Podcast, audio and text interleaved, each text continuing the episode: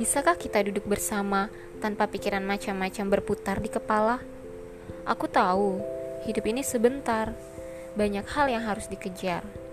Tapi, bisakah kita menerima dengan sederhana saja? Membelai punggung, menggenggam jemari, atau bahkan hanya menepuk pundak, mendoakan, bertanya tentang keinginan dan harapan, tanpa merasa ada jarak tanpa merasa lebih rendah atau lebih tinggi, lebih keren atau tidak, lebih berhasil atau tidak. Apa setiap kita harus sama? Kalau begitu, di mana peran Tuhan? Katanya, kita terlahir ke bumi memiliki perannya masing-masing. Ada yang bisa jadi presiden, mencapai karir puncak, membuat menara, atau bahkan berperan di ranah rumah tangga ada yang bisa mengambil peran semuanya.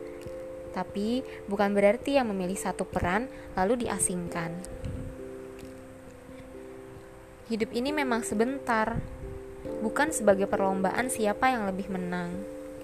Lahir, tumbuh besar, sekolah, kemudian kuliah, bekerja, menikah, punya anak, beli rumah, lalu beli mobil, bisa juga beli tanah.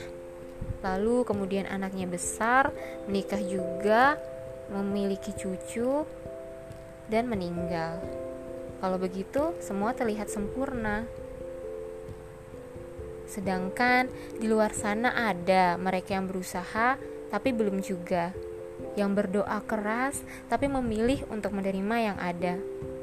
Tetap bahagia tanpa berambisi banyak Selama perut dan pikirannya bisa diajak santai, selama raganya masih bisa berbuat untuk orang lain, mereka bahagia. Maka jangan paksa untuk jadi sama. Jangan bicara agar menyamakan, karena kita tetaplah manusia yang ditakdirkan berbeda. Sama halnya juga dengan kita bingung mau jadi apa. Mereka selalu bilang, kejar mimpimu dengan doa dan usaha jatuh, bangun, jatuh, bangun lagi. Bisa jadi mereka merasa cita-citanya bukan di situ. Harus menyerah, bukan berarti kalah, tapi merubah arah. Dan itu tidak salah.